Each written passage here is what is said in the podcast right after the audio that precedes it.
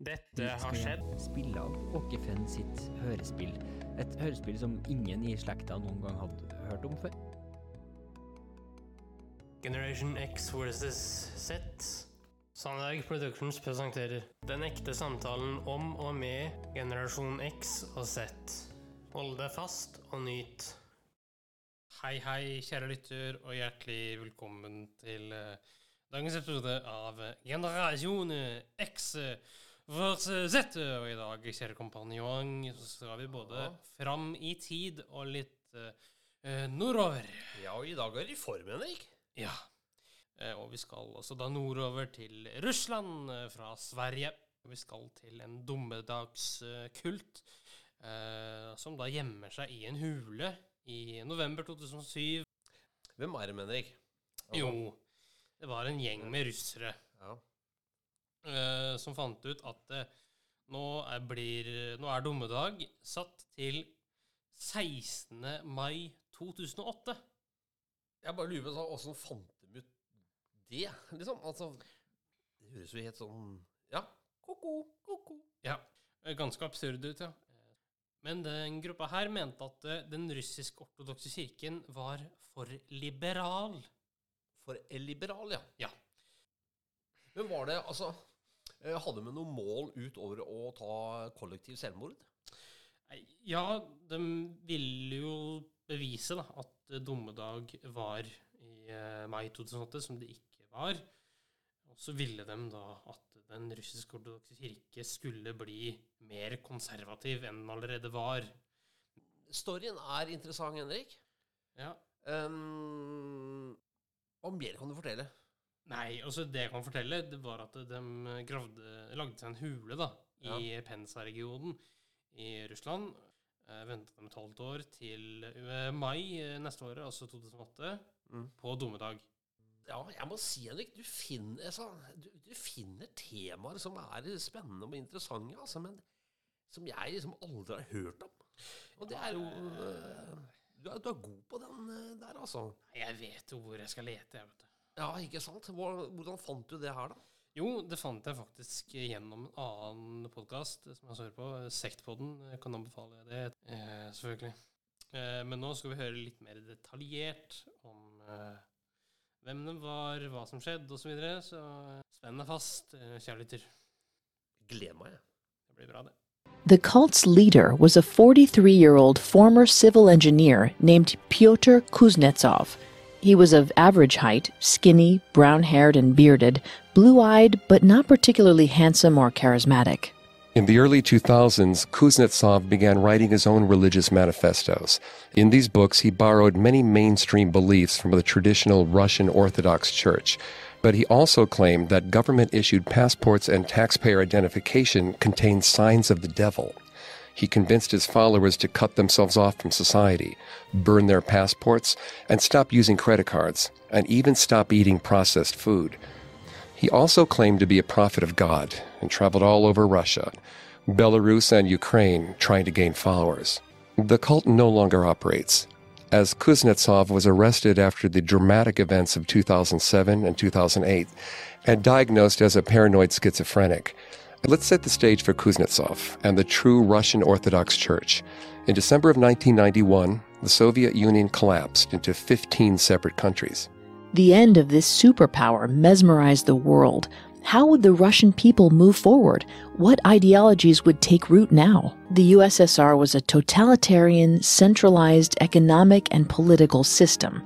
The state sanctioned communist philosophy of Karl Marx famously said, quote, Religious suffering is, at one and the same time, the expression of real suffering and a protest against real suffering.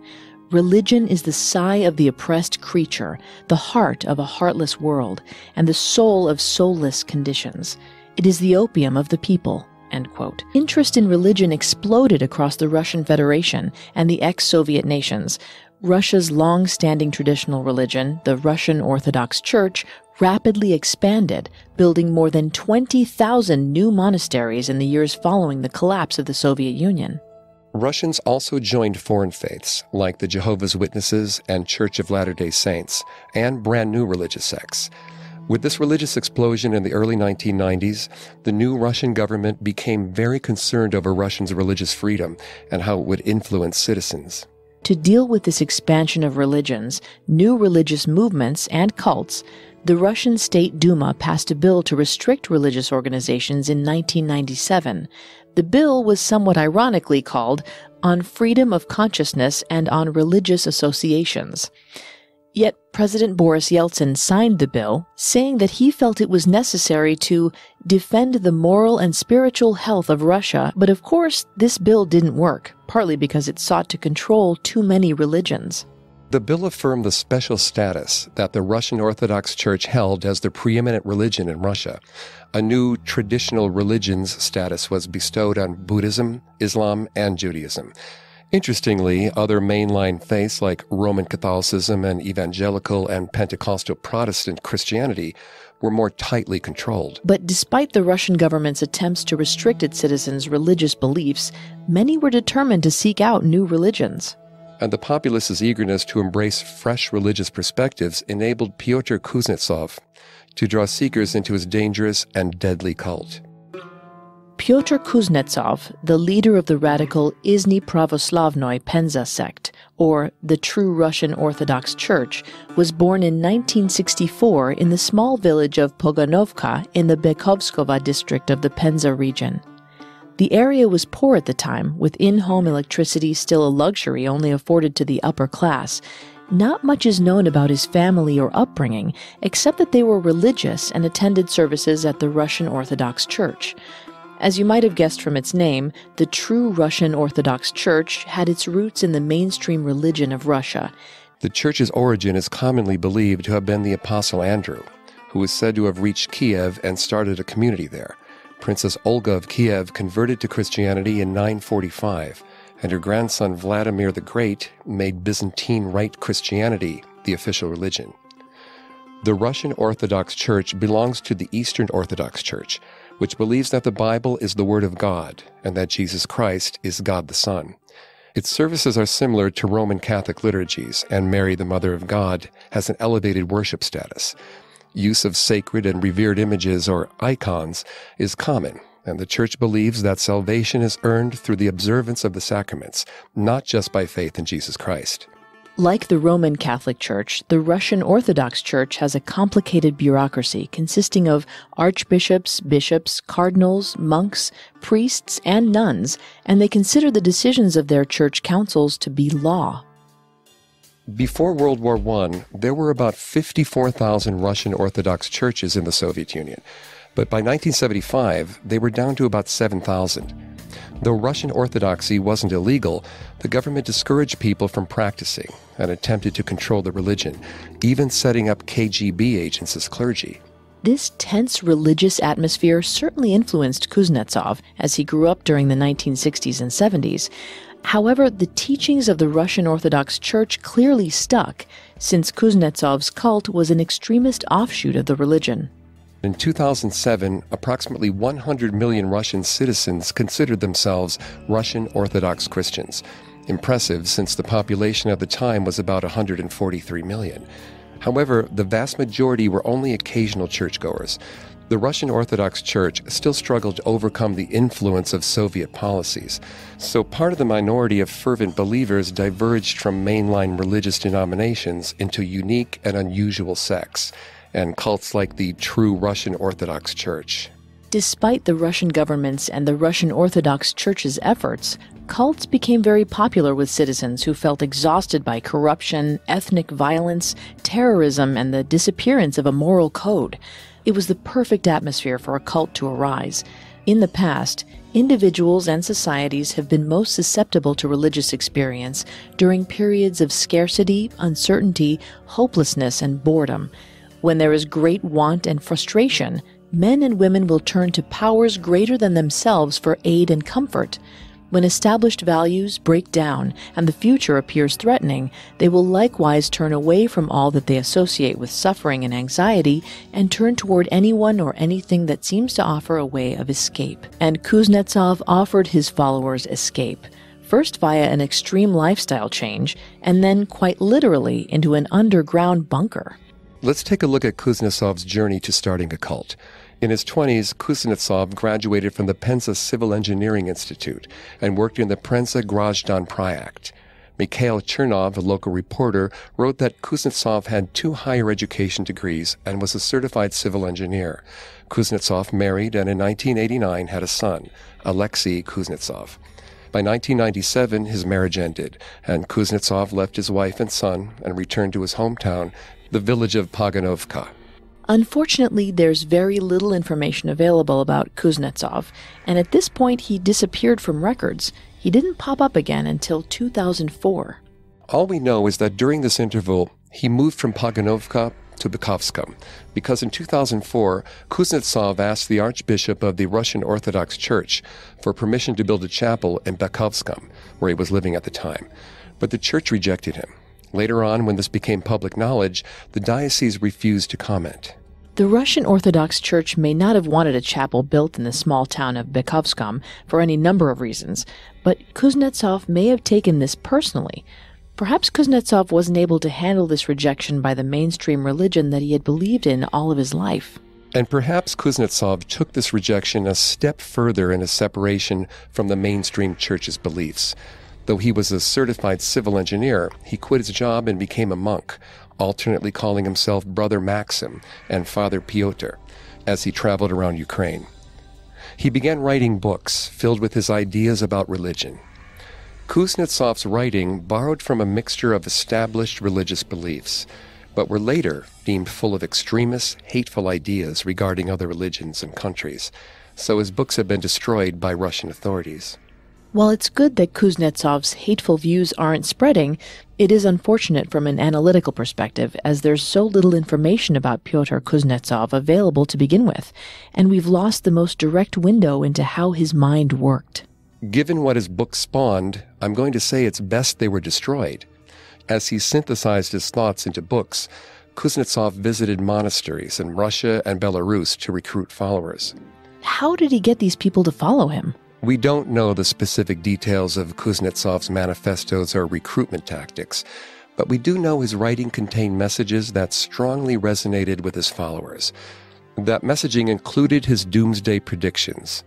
Kuznetsov promised them that in the afterlife they would be judges and would get to decide who went to heaven or hell.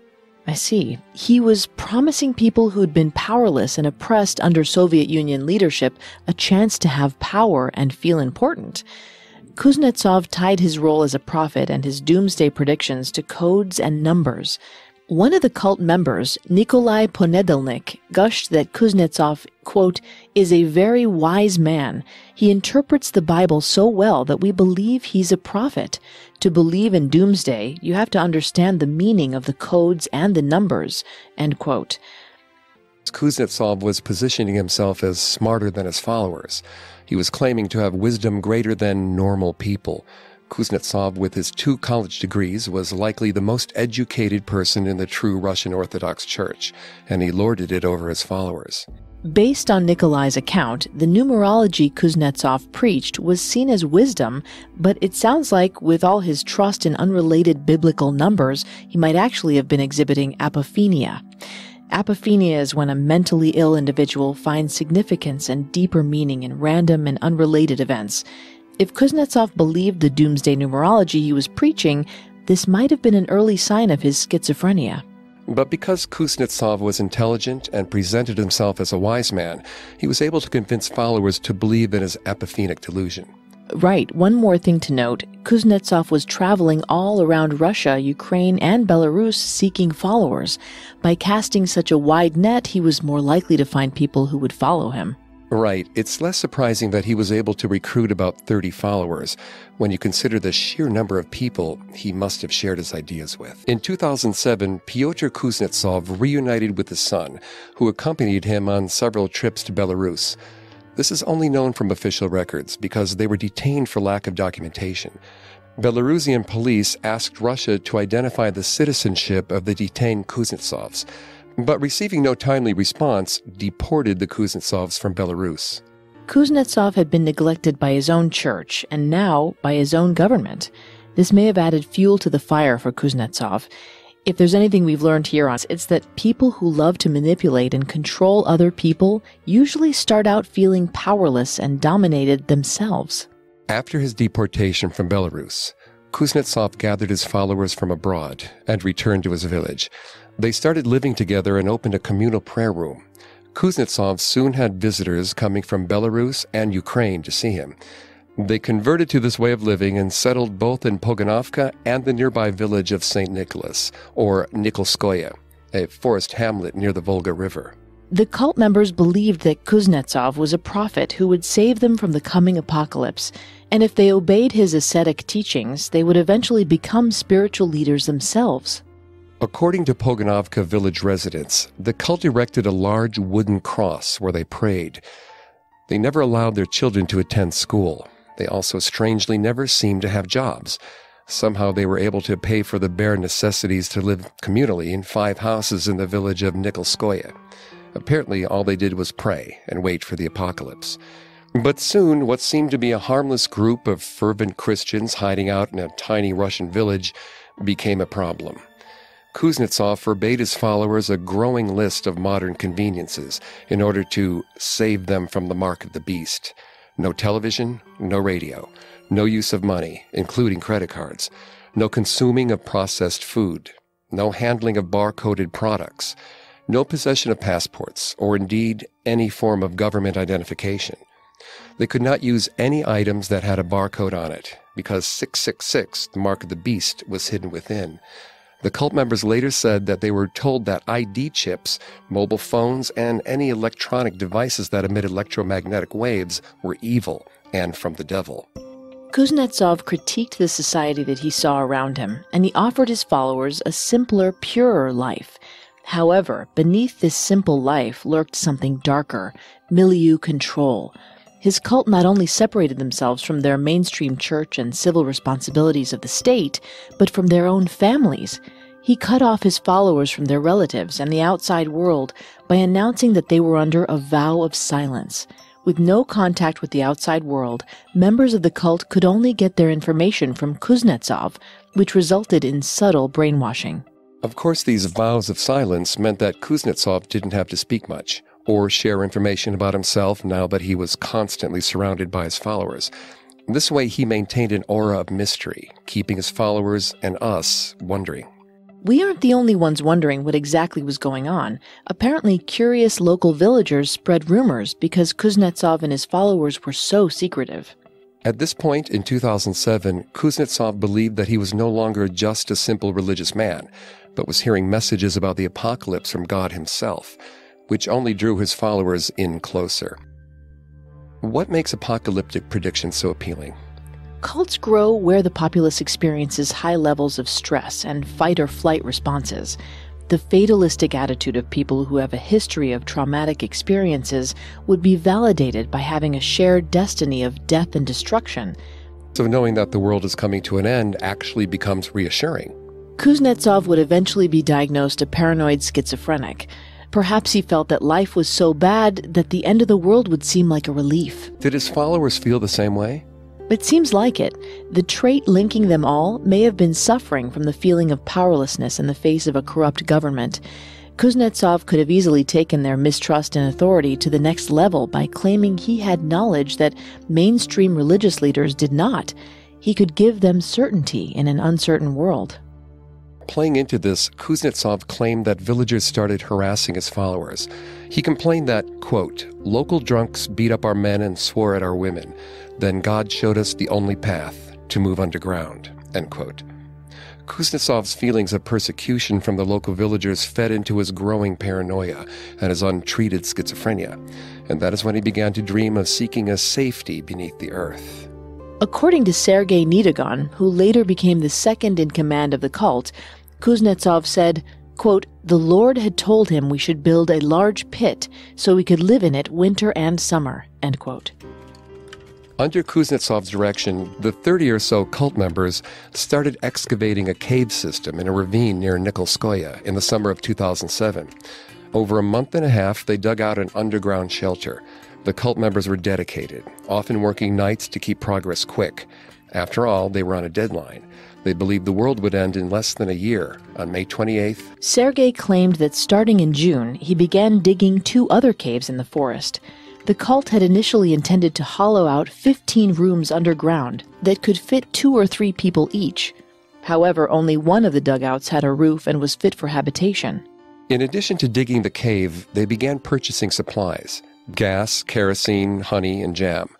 As the apocalypse bunker progressed, more money was needed. Local resident Boris Danilov reported to the press that Kuznetsov, quote, took their money. Many of them sold their flats, unquote. The cult used money gained from selling a house owned by Sergei's father, Vitaly Nedogon. Kuznetsov bragged, quote, God gave us cover and angels helped us. The tunnel is 50 meters in length and the height of a man. End quote. The cave was in the shape of a rough circle, with five small cells indented into the walls, with one large room set aside for prayers.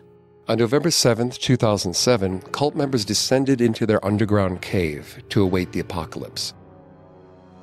The true Russian Orthodox Church's self burial was discovered on November 16th, 11 days after they went underground. By the time local villagers informed the authorities about what Kuznetsov's followers had done, the cult was barricaded in the cave. And here's the oddest part the cult members had gone underground without their leader, who had chosen to stay above ground. They claimed to have about 100 gallons of gas canisters with them that they would detonate if authorities tried to remove them. The world was fascinated, watching as Russian authorities attempted to reason with them. An emergency 24 hour operation was established in nearby Nikolskoye village, incorporating teams of local police, officers from the Russian Ministry for Emergency Situations, and medical staff. Soon another cult member, Valery Metchev, arrived at the scene, but he was too late to join those underground. Metchev showed Russia Today his old passport. He told reporters that he refused the new microchip version due to the cult's belief that modern technology was the work of the devil.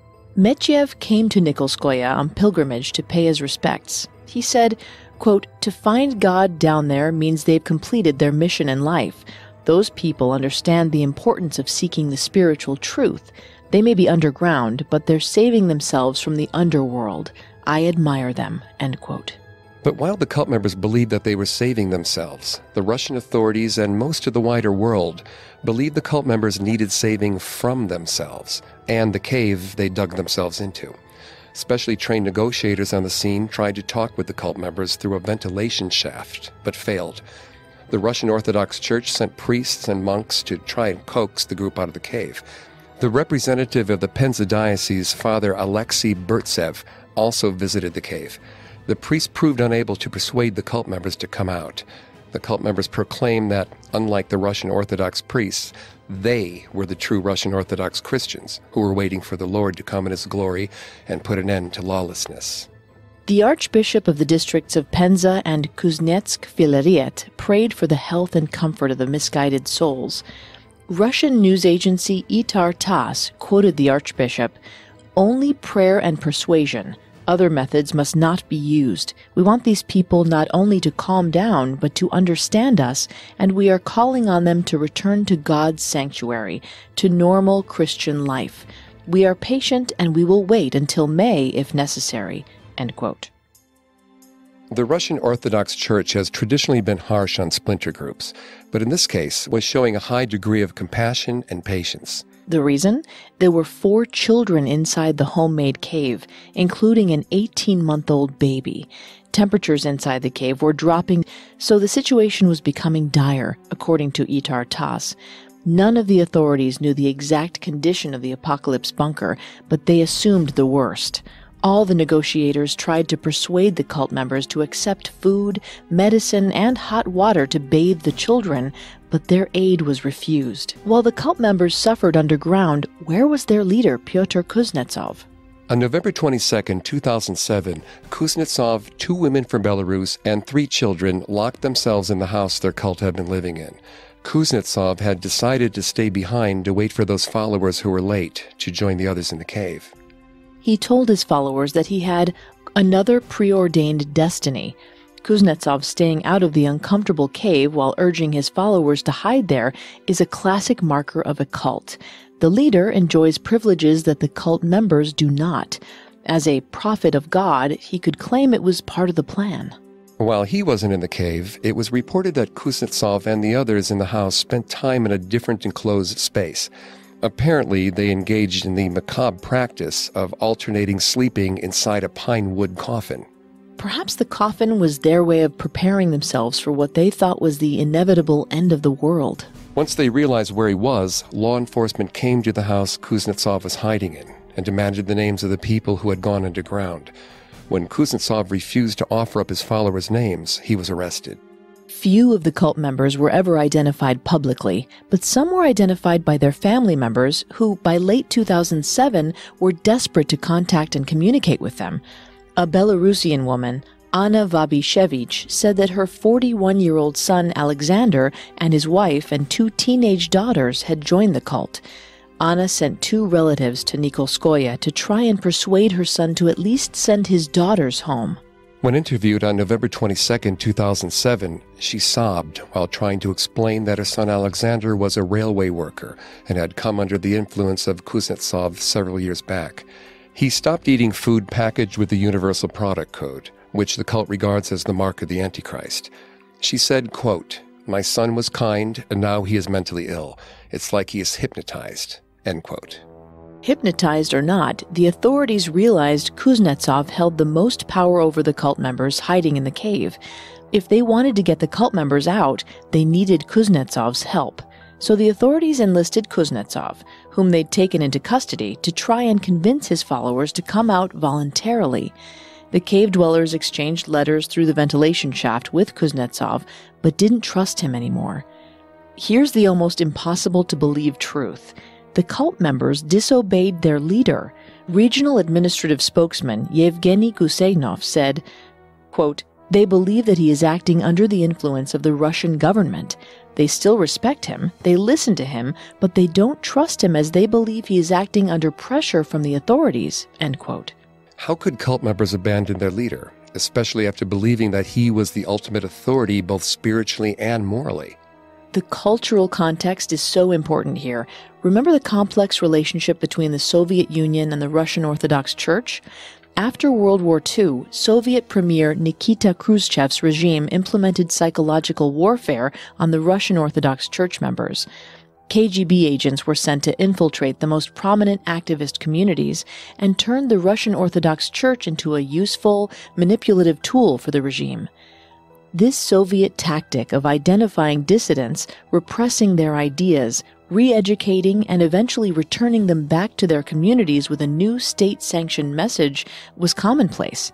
So when the true Russian Orthodox Church suspected that their leader was being manipulated by authorities, they had these examples from the past to draw on to justify their distrust. Kuznetsov furthermore made the mistake of promising his believers that they would become religious leaders in the post apocalyptic world. Perhaps they took matters into their own hands now that Kuznetsov was no longer physically with them. They didn't need their leader because they were the leaders. Around this time, Vitaly Nedogon became the de facto leader once the cult members split off from Kuznetsov, after they came to the conclusion that Kuznetsov had been coerced by the authorities. Even though he was abandoned by his own cult members, Kuznetsov was charged with setting up a religious organization associated with violence. While most of the cult was still underground, Kuznetsov was sent to a psychiatric hospital in Penza. He underwent psychiatric evaluation and was diagnosed with paranoid schizophrenia. Pyotr Kuznetsov's diagnosis of paranoid schizophrenia had no effect on his followers' beliefs. On December 7, 2007, the women from Belarus who had been locked in the house with Kuznetsov were deported. One of the women, Valentina Ponedelnik, proclaimed her conviction, saying, quote, The authorities will pay the price for forcing us to leave. You'll see. The government actions will be accounted for. And if the authorities try to evict the people underground, then God will punish them. The biblical prophecy is coming true. The world will soon end. End quote. But to anyone who wasn't already under his spell, Kuznetsov was a problem. On January 30th, 2008, Kuznetsov was beaten up by other patients in his ward. The fight reportedly happened at night, and asylum staff had to interfere in order to stop the beating. The Tvoy Den tabloid reported that he was called a devil and taunted for forcing his followers, including four children, to undergo what they assumed was inhumane suffering in the underground cave. In a Russian TV interview while he was staying at the psychiatric hospital, Kuznetsov said, quote, We had the idea of making a big dugout for us all to go to and stay there, just to avoid acts of hooliganism by the local population, end quote. Looking thin, haggard, and with a scrawny beard, Kuznetsov continued to insist that he had not gone into the cave himself because he had to meet others who had yet to arrive. In the same interview, Deputy Director of the State Forensic Psychiatry Center, Zurab Kekelidze, said, quote, I would like to believe that reason will prevail and the people will come out of there, end quote. But reason did not prevail, and the occupation of the Apocalypse bunker continued. Every little incident that happened inside the cave became national news. On February 15, 2008, one of the young girls inside the bunker accidentally dropped a candle during prayer and set the prayer room on fire. The cultists managed to put the fire out, but they refused any emergency services or medical treatment. Local law enforcement had installed microphones at the ventilation holes, so they were alerted to the fire when they heard shouting in the bunker. The citizens of Russia became obsessed with the situation, and many journalists and paparazzi gathered at the site. After nearly four months, on March 6, 2008, contingency plans were put in place to forcibly rescue the cult members in the case of severe flooding due to spring thaws. Regional administration spokesman Yevgeny Gusenov again commented, quote, any special operation that involves the use of force against those people is totally out of the question. If they do come out of the cave, it would only be if they choose to do so voluntarily. End quote. On March 24, 2008, prosecutor of the district, Alevtina Volchkova, told the newspaper Komsomolskaya Pravda that the state was investigating grounds for criminal prosecution of Kuznetsov, even though Kuznetsov was deemed mentally ill. When asked what Kuznetsov would be charged with, she quoted from the first part of Article 239 of the Criminal Code, quote, creation of a religious or voluntary association with the intent to prevent citizens to fulfill their civic duties or to commit unlawful acts. However, the prosecutor also stated that, quote, the defendant will not be responsible for the crimes he committed when mentally ill. The court has ordered compulsory treatment for him in a psychiatric ward, end quote. Judge Maria Smyslova ruled over Kuznetsov's indictment deciding to allow the criminal case against Kuznetsov and the cult as a whole to be pursued, built on charges that he incited religious and national hatred. The next day, on March 24th, the police temporarily took Kuznetsov out of the mental hospital and brought him along with them to the cave entrance for the second time, with the intention of using him to coax his followers out. They also brought priests and rescue workers to help. Instead of being receptive to their leader, members of the cult shot at police who approached the cave. An interior ministry official told the Kommersant newspaper that no police were injured in the shooting, and they had no further comment on how many shots were fired or with what type of weapon. Authorities brought Kuznetsov to the bunker for a third time on March 28, 2008, to coax out seven women from the group who needed emergency medical care. It worked. The women agreed to leave and emerged from the cave. Anton Cherenov from a local press service reported that, quote, among those who came out, there was a woman with two children, one of them a girl less than two years old, end quote. Kuznetsov was returned to the mental hospital and his followers received medical treatment. There wasn't evidence to charge the followers who left the cave with any crimes, so once given clear bills of health, they were released from custody. But there was still a group of cult members stubbornly holding out inside the cave, and the weather forecast for the week after predicted rain. And rain it did. Cold gray mud slid down the gully towards the dugout. The slow moving mudslide, unhampered by the stick like trees in the surrounding forest, started to overflow into the apocalypse bunker. The cave was in danger of collapsing.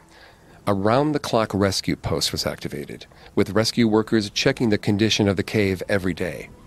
Authorities spoke to 82 year old Antonia, another leader in the group, warning her of the dangers. She assured them that they would come back to the surface soon. A spokesperson for the local prosecutor reported, quote, It's possible that the sect members realized that their lives could be in danger if they remained underground. They've had to urgently strengthen the walls of the cave recently, end quote. He also added that large lumps of soil had fallen into the bunker. Three days later, on March 31st, 14 more members of the cult left their confinement after part of the cave collapsed under melting snow, leaving less than a dozen stalwarts still underground. After questioning by local police, the cult members who emerged were allowed to return to normal life. News of this must have hit Kuznetsov hard. Authorities seemed to gloat over what seemed to be a surefire victory and progression to ending the entire situation. Regional administration spokesman Yevgeny Guzenov told CNN about the erstwhile cult leader, quote, I've met the man and he's mentally sick, big time, end quote. Kuznetsov must have realized that his prediction of the end of the world was wrong. On April 3, 2008, a month out from his predicted doomsday date, Kuznetsov attempted suicide by smashing his own head between a tree stump and a log of wood. The head of the intensive care unit of Penza Regional Hospital, Andrei Progressov, stated, quote, We hopefully will be able to make the patient able to testify, but for now I cannot comment on what mental abnormalities he will have. End quote. Despite suffering severe brain trauma and with his previous diagnosis of paranoid schizophrenia, the doctors believed he might recover sufficiently in order to stand trial. Kuznetsov underwent an operation for severe wounds and was unconscious for a week. After the news of her cult leader's suicide attempt, a cult member who called herself God's slave Nina was seen weeping outside Kuznetsov's prayer house. It is unknown if she was one of the women that had lived with Kuznetsov above ground, or one of his followers who had emerged early from the cave. In either case, Nina had not lost faith, actually claiming that Kuznetsov had died and then been resurrected. After visiting Kuznetsov in the hospital, Nina announced to the press that Pyotr is reborn. Oleg Melnichenko, vice governor of the Penza region, said that when the news of Kuznetsov's attempted suicide was given to the cult members in the cave, quote, they said they aren't ready to make decisions and have vowed to stay silent. They probably perceived the suicide attempt of their leader as a kind of sign, end quote. On April 14th, the Penza region's governor, Vasily Bochkarev, reported that, quote, the hermits initiated talks with rescue workers themselves. They said they were running low on water and asked to be given water. As far as I know, they did not request for further assistance, end quote. So there was nothing the Russian police could do. The remaining cult members, now numbering about 25, refused to come out of the cave. They were bunkered in while they waited for the end of the world. As months crawled by and no apocalypse came, the cult members who were left inside the bunker announced that they would emerge on April 27th, the Orthodox Easter, or during Russia's May 1st through 9th national holidays, or June 14th, the Day of Holy Trinity. But nature had her way with the cult members twice. First on April 23rd, as heavy rains partially destroyed the entrance to the cave. An emergency services official stated, quote, Rescuers have dug special drainage ditches to prevent thaw waters from reaching the cave. If need arises, rescue workers will come to the site again to carry out any necessary work. End quote. On April 28th, the cult sent out a communication to authorities. Although they had quoted May 28th as the day of reckoning, the closer and closer the date became, the less certain they became. The cave dwellers wrote that they believed it would happen in April or May, or perhaps as late as June of 2008 the members of the cult refused to talk to anyone directly, limiting their communication to the outside world to written notes passed up and down the ventilation shaft. Police were worried and warned curious onlookers to stay away. Quote, it's prohibited to go down into the ravine. Don't even speak loudly. Don't disturb these people, please. It could provoke a tragedy. End quote.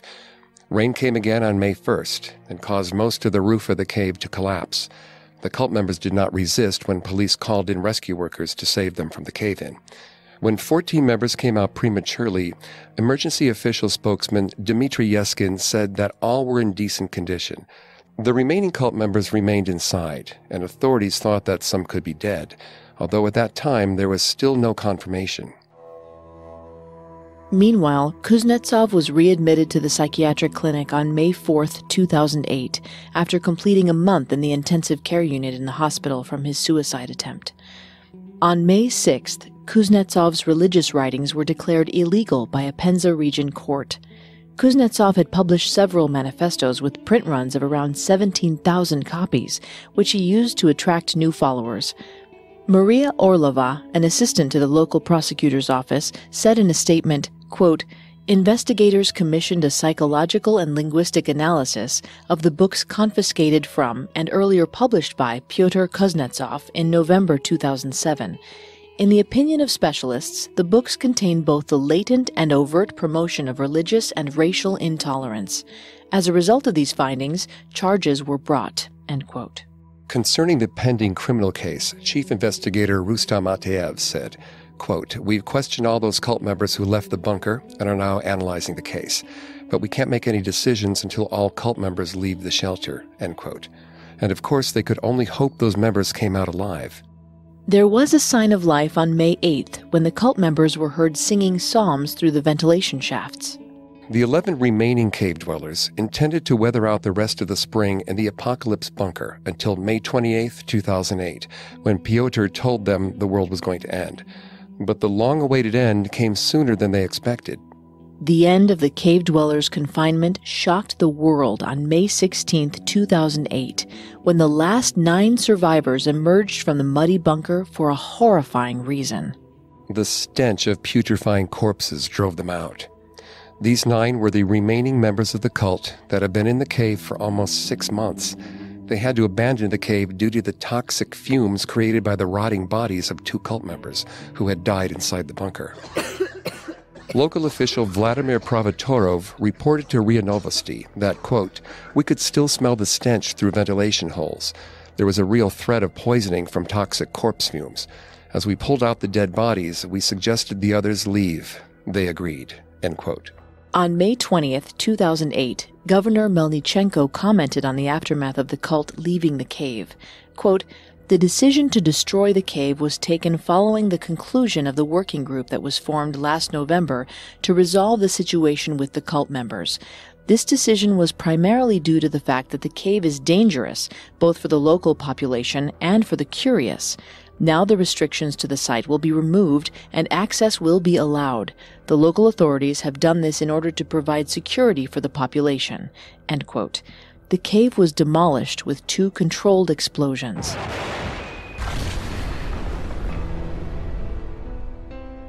On May 21st, Governor Melnichenko announced the results of the investigation into the deaths of two cult members who were buried in the cave. One woman had died naturally of cancer. The other had died of malnourishment caused by extended fasting. Now, for the first time, the world could see taped evidence of the bunker, which was broadcast on Russian TV. The video revealed just how unfit for habitation it was the dark, damp tunnel and the cramped, unsanitary cells where the 35 or so cult members waited for the apocalypse seemed like hell on earth. A Reuters reporter crawled down into the abandoned bunker and found the makeshift kitchen with the well for drinking water right next to the toilet. He noticed that belongings were left behind, like a chess set and pages from a children's book.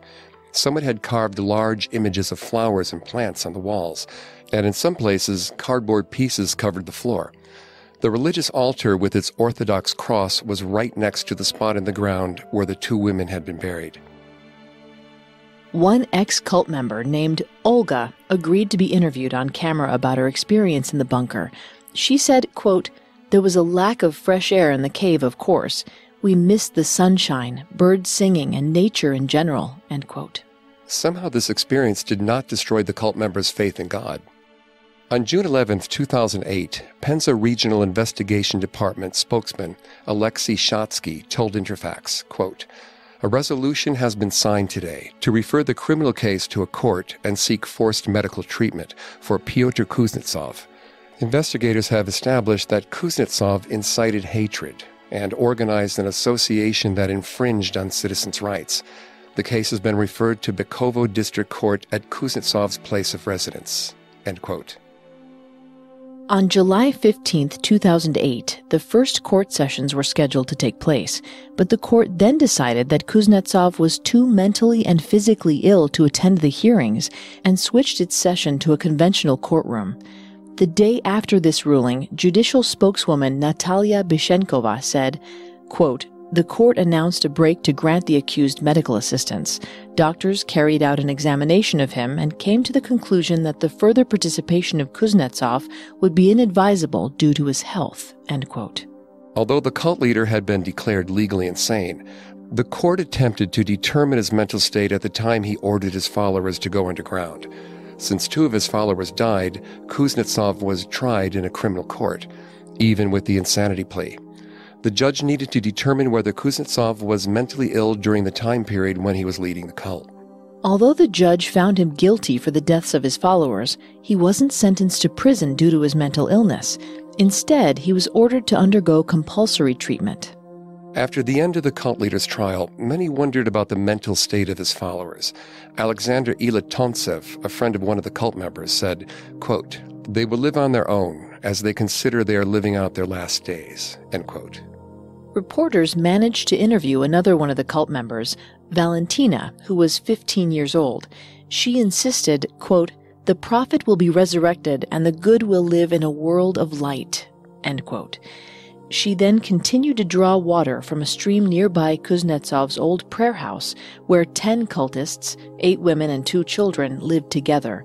The house had a large wooden Orthodox cross on the roof and crosses drawn in chalk on its doors. A skinny, dirty white kitten, who was the only pet in the cave, ran in and out of the yard as five riot policemen kept throngs of journalists at bay. As the days went on and the apocalypse did not arrive, the cult members had to emerge from their ramshackle houses eventually, covering their faces with Bibles or their hands. Journalists mobbed them, trying to take their photographs. Finally, the mainly female cult members, dressed mostly in black, long skirts and headscarves, addressed the gathered press. Quote, there is no need to teach us. We can confirm every word by the scriptures. The end of the world is coming, though it might take three more years for it to finally die. End quote. The remaining cult member's spokeswoman, identified only as Natasha, a middle-aged woman, said, quote, Gas, electricity, and tax numbers are all evil. Seek salvation in the Bible. End quote. The last few cult members had not changed their minds about modernity or the impending end of the world. When local social services officials brought food and drink to the house, cult members refused all packaged items with barcodes. The cult also refused to plant any crops as they did not expect to be around for the harvest, so the local government provided them with a cow to help them support themselves. This action irritated residents in the poor farming village of Nikolskoye, where half of the 20 or so houses are deserted. Roads are just dirt trails, and most people survive on what they can grow themselves. Tatiana Alenikova, a farmer who lived nearby the cult house, sarcastically commented, quote, We should all go underground, then we might get a cow. End quote.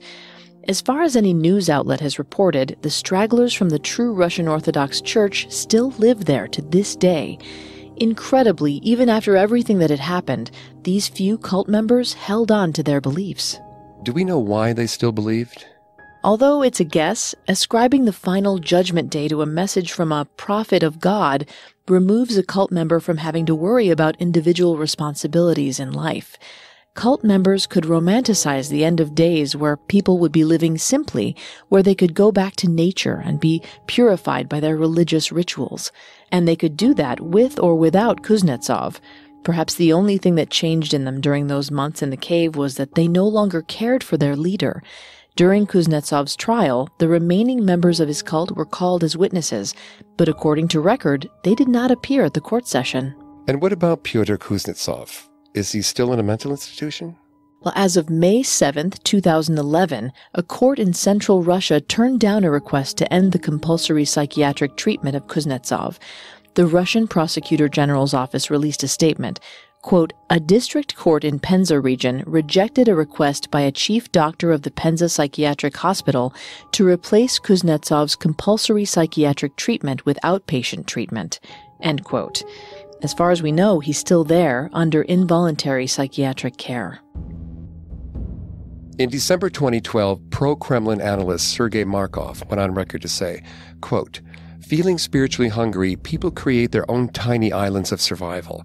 The government is aware of the issue, but has no concrete plan of persecuting the cult leaders. End quote. Although this was the case back then, the policy must have changed recently as Russian authorities have started to aggressively crack down on cults who use social media to advocate joining splinter religious groups, using the courts to ban those they consider the most dangerous. Although a bigger tragedy could have occurred in the case of the true Russian Orthodox Church, the dangers of doomsday cults should not be ignored. Since the beginning of organized religion, end times proclamations have come and gone, some with spectacularly disastrous results for their members, including those who suffered and died in a cave dug by the true Russian Orthodox Church. Altså, eh, vi i Fredrikstad vi ville vel kalt dem bare gærninger. Ja, mildt sagt, ja. Um, jeg har liksom ikke et annet begrep enn det, føler jeg nå. Hva tenker du? Nei, så det Hele greia er liksom bisarro. Skal vi avrunde med litt humor? Ja, vi kan gjøre det.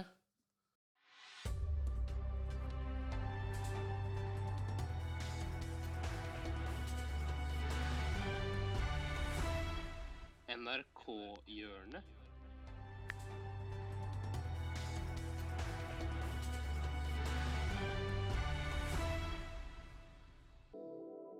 Ja, vi er Yes. igjen. Hva du tror? Nei, i dag så tror jeg at vi skal høre hvordan det høres ut å slikke en stolpe i kulda. Henrik, skal jeg fortelle en liten eh, story som ikke du kanskje husker? Eh, ja. Du har gjort det. ja, med gelendere eller noe sånt, eller? Noe, Ja. Det gikk bra, men du ble forundra. Du skrek ikke, men den satt litt fast. Ok. Ja, Jeg tror ikke du gjorde det mer. Så Nei, jeg har vel ikke gjort det i ettertid, så nei. Husker du noe? Nei, det har jeg nok fortrengt. Ja. Eh, Det er bare sånn uh, reminding her. Ja, I løpet av mine 31 år har jeg fått gjort utrolig mye gøy. Men det er én ting jeg ikke har kryssa av på lista mi. Og det er å slikke en lyktestolpe i kulda. Det er jo et stort øyeblikk. One girl, one dream. Her er vi. Det skal oppfylles å slikke på en kald lyktestolpe. I se som den glinser i morgensola. Ta ut tunga du nå. Der er tunga på. Ja. Ja. Det sitter fast! Oi, Ja, det sitter fast. Nei, ja. Ja, Nei. det, det sitter fast. oi, oi. Ja, du må, jeg kan ikke hjelpe deg. Du må spørre noen. Nei, jeg jeg kan ikke hjelpe deg, Adelina. Vi er, ok, ja, ja, ja, ja, der, der hjalp jeg. Ja, det gjør litt vondt. Det Jeg vil si til alle der ute med en drøm, noe dere har utsatt en stund, gjør det. Det vil føles så bra, og du vil kjenne på mestring. Hvilken prøve du da, Tete?